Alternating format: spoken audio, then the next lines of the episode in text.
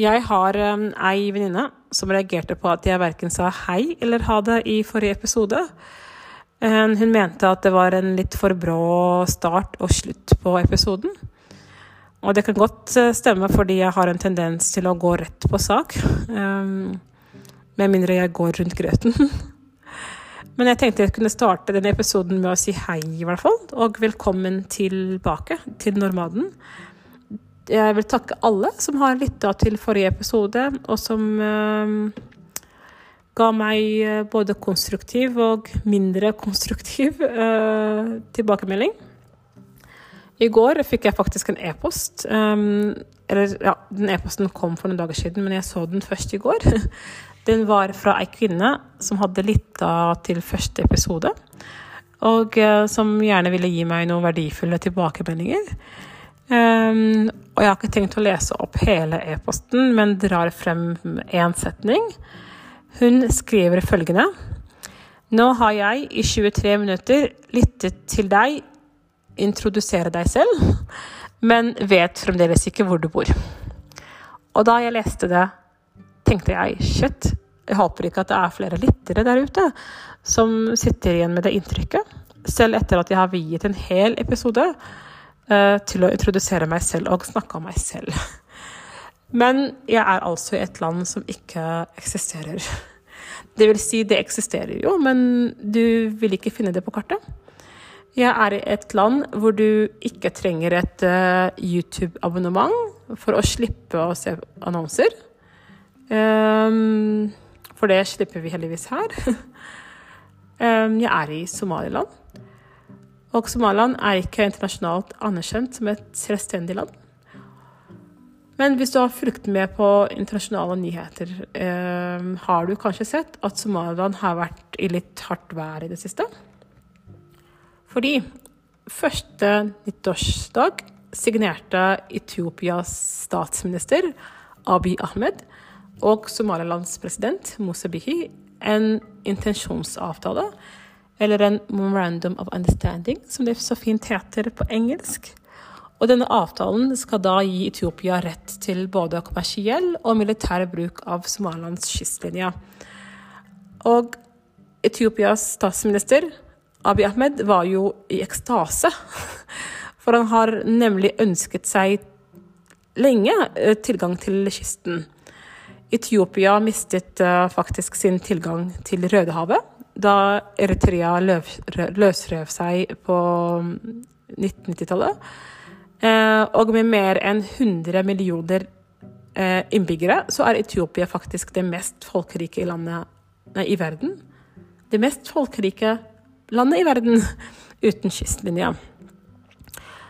Så i fjor så sa Abiy Ahmed at uh, Etiopias eksistens den er faktisk bundet til Rødhavet. Ja, jeg vet det er veldig dramatisk. Um, men enda mer dramatisk var det at han sa at Etiopia faktisk måtte få tilgang til havet, enten gjennom forhandlinger eller krig. Og det er jo litt spesiell eh, uttalelse, eh, fordi det kom fra en mann som har vunnet eh, en fredspris. Men nå, gjennom denne avtalen, får de tilgang til 20 km av Somalilands kyst.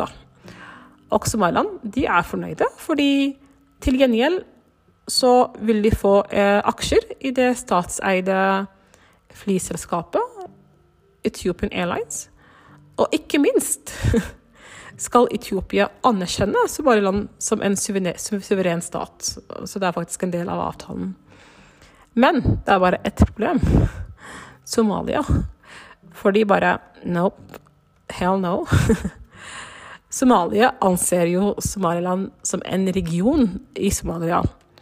Og de anser da avtalen som en krenkelse av Somalias suverenitet. Så dette kommer Somalia ikke til å finne seg i. Um, så det blir spennende å følge med på utviklingen. Så ja, nå håper jeg at jeg svarte uh, dere som lurer på hvor i verden jeg er. Akkurat nå, det kan uh, endre seg når som helst. Men akkurat nå så er det her vi befinner oss. Vi forsøker jo å bo i flere land samtidig, men det har vist seg å være nesten umulig. Uh, når det er fire barn involvert. Og forresten, jeg må bare beklage hvis dere syns jeg høres litt rar ut i stemmen. Jeg er litt hes, fordi jeg har slitt litt med det jeg tror er lungebetennelse. Jeg vet ikke sikkert, fordi jeg har ikke oppsøkt lege. Men jeg trakk altså konklusjonen på bakgrunn av at uh, symptomene jeg har nå, de samsvarer med symptomer jeg hadde en gang jeg faktisk oppsøkte lege. Og uh, ble diagnostisert med lungebetennelse. Men min mor hun oppfordrer meg da til å oppsøke lege, selvfølgelig, og, og få behandling. Men det er bare ett problem. Problemet er jo det at uh, sist jeg oppsøkte det lokale legekontoret, ble jeg nesten slått ned av en ansatt. sånn helt seriøst, men den historien får jeg kanskje spare til en annen gang. Men uh, ja, selv om jeg ikke er så glad i legebesøk, så har jeg ingen problemer med å følge folk uh, til legen når de trenger det. Spesielt her i Somaliland, fordi det er veldig underholdende sammenlignet med Norge. Det er litt forskjell på legekontorene her og i Norge. F.eks. i venterommet hos legen i Norge er det ingen som snakker til hverandre. Og de andre pasientene kommer aldri til å vite årsaken til at du er der, og hva som feiler deg. Men her, i løpet av 15 minutter i et venterom, vet du kanskje hva som feiler 90% av de andre som er der. Um, for noen dager siden så var jeg med tanta mi på sykehuset her nede for å ta noen blodprøver. Og hun er veldig direkte og uh, frittalende. Um, så da den kvinnelige sykepleierne skulle stikke henne og ikke fant en blodåre, så krevde tanta mi at en mann skulle prøve i stedet. For hun mente at kvinner ikke var flinke til sånt. Men denne sykepleieren hun prøvde og stakk flere ganger uten hell. Og tanta mi hun ble jo mer og mer utålmodig, og til slutt så mista hun besinnelsen, faktisk. Og hun ba denne sykepleieren om å stikke av. Og jeg, så godhjerta som jeg er, syntes jo selvfølgelig synd på denne jenta, og prøvde å trøste henne. Så jeg sa til tanta mi at det er ikke sykepleierens skyld, dette her, men det er hennes skyld 'Du er for tjukk', sa jeg. Og derfor er det vanskelig å finne blodårene dine. Og hvis du har lytta til forrige episode, så er det helt vanlig å være så direkte her i, blant somalierne. Eh, så derfor så ble ikke tanta mi noe sint av, av, av, av min uttalelse. Men sånn helt seriøst, jeg vet ikke om dette har noe medisinsk for seg, men jeg har fulgt en del mennesker eh, til lege i løpet av årene. Og det har vist seg at alle de overvektige som jeg har fulgt, har hatt tynne blåårer som nesten er umulig å finne. Ja. Men så kom det en mannlig sykepleier, eh, og han fikk det søren meg til på første forsøk. Og ja, da ble jo tanta mi veldig um, letta, selvfølgelig men også irritert for denne kvinnen, som da utførte det hun oppfattet som et eksperiment på henne. Og øh, ifølge tanta mi burde ikke denne kvinnelige sykepleieren ha jobbet i det hele tatt. Og dette fikk meg jo til å tenke, fordi disse holdningene til tante kan kanskje forklares eller bortforklares ved å si at ja, hun er gammel, at hun har vokst opp med at kvinnenes plass er hjemme. Men jeg har lagt merke til én ting, og det er at det er flere unge kvinner i Vesten som faktisk mener det samme. At kvinner bør være hjemme og ikke delta i yrkeslivet. Jeg har iallfall sett noen videoer på sosiale medier om såkalte tradwives. Og trad står da for uh, traditional. Det er da kvinner som er hjemme, og som prioriterer matlaging og rengjøring og som ser på feminisme som en trussel. Og eh, de velger å omfavne feminitet og husmorsrollen. Og dette er jo ikke noe nytt. Det er jo slik folk lever i store deler av verden. Men jeg har en teori om at det plutselig ble kult og trendy, fordi det er eh, Og jeg sier det rett ut det er hvite kvinner som promoterer denne livsstilen nå, og derfor er det kult. ja, men dette står i hvert fall i sterk uh, kontrast til det vi har vokst opp med, som da var en karrierejag-kultur, hvor det handlet om å vie hvert våkne øyeblikk til karriereutvikling, nærmest. Og det handlet om å klatre oppover karrierestigen Gjerne på bekostning av alt annet i livet, fordi det var karriere som var viktigst. Men jeg har inntrykk av at det ikke er slik lenger, og jeg vet ikke hva jeg syns om det egentlig. Um, hadde du spurt meg noen år, for noen år siden hva jeg syns om det, så hadde jeg nok uh, gremmes av tanken på at uh, karriere får mindre betydning, og at flere kvinner velger å være hjemme. Men etter uh, mange år i utlandet, tror jeg nok at jeg har endret syn. Eh, fordi jeg har blitt litt mer tolerant, eller åpen for at, velg, for at folk uh, velger å leve på ulike måter. Uh, og jeg mener faktisk at det bør være større aksept for at kvinnen er hjemme, hvis hun ønsker det. Og at hun skal få lov til det uten å bli sett ned på av samfunnet, og uten at hun skal få dårlig samvittighet for oss ja, selv, da. Og øh, uten at hun skal føle at hun svikter øh, det sosialdemokratiske prosjektet på et vis. Um, det har jo seg sånn at øh, de fleste kvinnene som jeg henger med her i Somaliland, er jo hjemmeværende. Og de tilbringer sine dager slik de vil, med fokus på hjem, barn og mann. Og de lever litt sånn i samsvar med islam, egentlig. Hvor det er mannen som har et forsørgeransvar overfor familie, sin familie, og hvor kvinnen ikke trenger å jobbe. Men de av mine venninner som velger å jobbe, um, de altså velger selv om de vil bruke pengene på husholdningens utgifter, eller om de velger å bruke det på noe annet. Og fordelen med dette her, eh, denne løsningen, holdt jeg på å si, er at eh, kvinnen er yrkesaktiv med alt det positive det innebærer. Um, og fordi hun får lov til å forvalte over inntekten sin slik hun vil, um, er det mindre stress og mer glede knytta til det å være Det å jobbe. Um, og sånn er det jo ikke i Norge. Det sier jeg både av erfaring og av uh, samtaler jeg har hatt, eller, og har, med um, folk i, eller kvinner i min omgangskrets. Um, jeg hadde faktisk nylig en interessant samtale med en venninnegjeng som alle er i jobb i Norge. Og uh, samtlige hadde faktisk enten jobbet sterkt redusert eller sluttet helt, hvis de fikk muligheten, sa de. Fordi de er fysisk og mentalt slitne av at de ikke klarer å innfri alle kravene samfunnet, altså alle kravene samfunnet stiller til dem. Og da kan ikke jeg unngå å tenke hvorfor er det egentlig slik at alle disse kvinnene så, virker så ulykkelige? Og hvorfor gråter de seg i søvn fordi de gruer seg til å gå på jobb?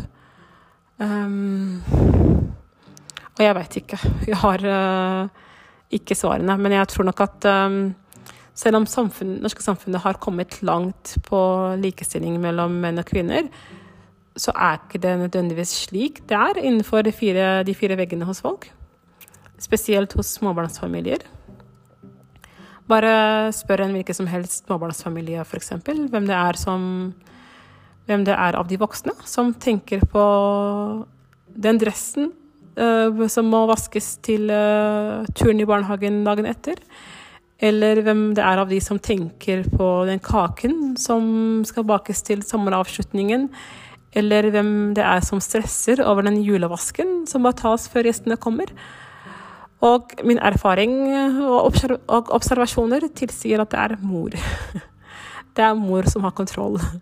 Og mannen han kan ta oppvasken så mange ganger han vil, Han kan hente barn, unger fra barnehagen hver dag i et år, men det er likevel mor som bærer den mentale byrden hjemme. Eller the, the mental load, som det heter på engelsk. Og det er det som tar knekken på oss damer. Det er den mentale byrden. Og den byrden kommer kanskje menn til å lære seg å bære en del av om noen generasjoner, men i mellomtiden virker det jo som om kvinner må bite tennene sammen, komme seg på jobb, gråte seg i søvn og trykke repeat liksom dagen etter. Og jeg er ingen forsker eller ekspert, men kanskje er det derfor kvinner har dobbelt så høyt sykefravær som menn. Og vi kan som samfunn diskutere å innføre tiltak for å få ned antallet kvinner som sykemelder seg, eller øke trivselen på jobb for kvinner. Men jeg tror ikke det er noe som kommer til å skje i nærmeste fremtid, fordi det ikke virker som det er en politisk prioritet. Og derfor så mener jeg faktisk at kvinner må ta sakene i egne hender. Og de må designe seg livet de ønsker å leve. Og hvis det innebærer at de hopper av hamsterhjulet som de er fanget i, og at de omfavner husmorsrollen, skal ikke jeg dømme dem for det. Jeg heier faktisk på dem. Jeg heier på valgfriheten. Og mener faktisk at likestilling også handler om å, om å velge. Om å velge selv. Um, og jeg veit at dette er kontroversielt. Bare det å stille spørsmålstegn ved kvinners eh, deltakelse i arbeidslivet er jo nesten sosialt selvmordsforsøk. Um, og jeg er klar over at innvendingene mot at kvinner er hjemme, er mange. Um, F.eks. hvis kvinnen er hjemme, hva det med det sosiale? Vil det føre til at hun blir mer isolert? Og hvis hun er avhengig av mannen, eh, mannens inntekter, ville det skape et usunt avhengighetsforhold til mannen. Eh, som i verste fall kan føre til at kvinner blir i et voldelig forhold, f.eks. Og hvilke konsekvenser vil eh, færre kvinner i arbeid få for norsk, samfunn, norsk samfunnsøkonomi og velferdssamfunn? Ja, jeg har som vanlig flere spørsmål enn svar. Men mitt utgangspunkt er klart, og det er jo at vi står overfor et reelt problem som vi ikke kan fortsette å feie under et teppe. Og jeg mener at det bør være rom for å velge annerledes, uten å bli anklaget for å tråkke på rettighetene som kvinnene før oss har kjempet for. Og om du spør meg om jeg noen gang vil bli en eh, tradwife eller 100% husmor, det tviler jeg på. Men det er noen aspekter ved denne livsstilen som jeg har valgt å implementere. Um, og det var faktisk et spørsmål jeg fikk fra en lytter som lurte på om jeg var hjemmeværende, fordi jeg aldri snakket om, eller nevnte at jeg var i jobb i forrige episode. Men det er jeg altså. Det hadde jeg tenkt å vie en hel episode om, fordi det er såpass spennende, det jeg holder på med, at uh, det trenger verden høre om. Nei, jeg bare tulla. Det er ikke så spennende. Men uh, uansett. Og akkurat det jeg diskuterte her i dag, det tenker jeg at uh, jeg må diskutere med en spennende gjest her i podkasten i en senere episode. Så de av dere som er syns dette var interessant, det kan dere se frem til. Og hvis det er noen der ute som blir provosert over det jeg tar opp her, um, og de mener at jeg undergraver utviklingen av kvinners rettigheter og kampen for likestilling, ja, så trenger ikke du å lytte.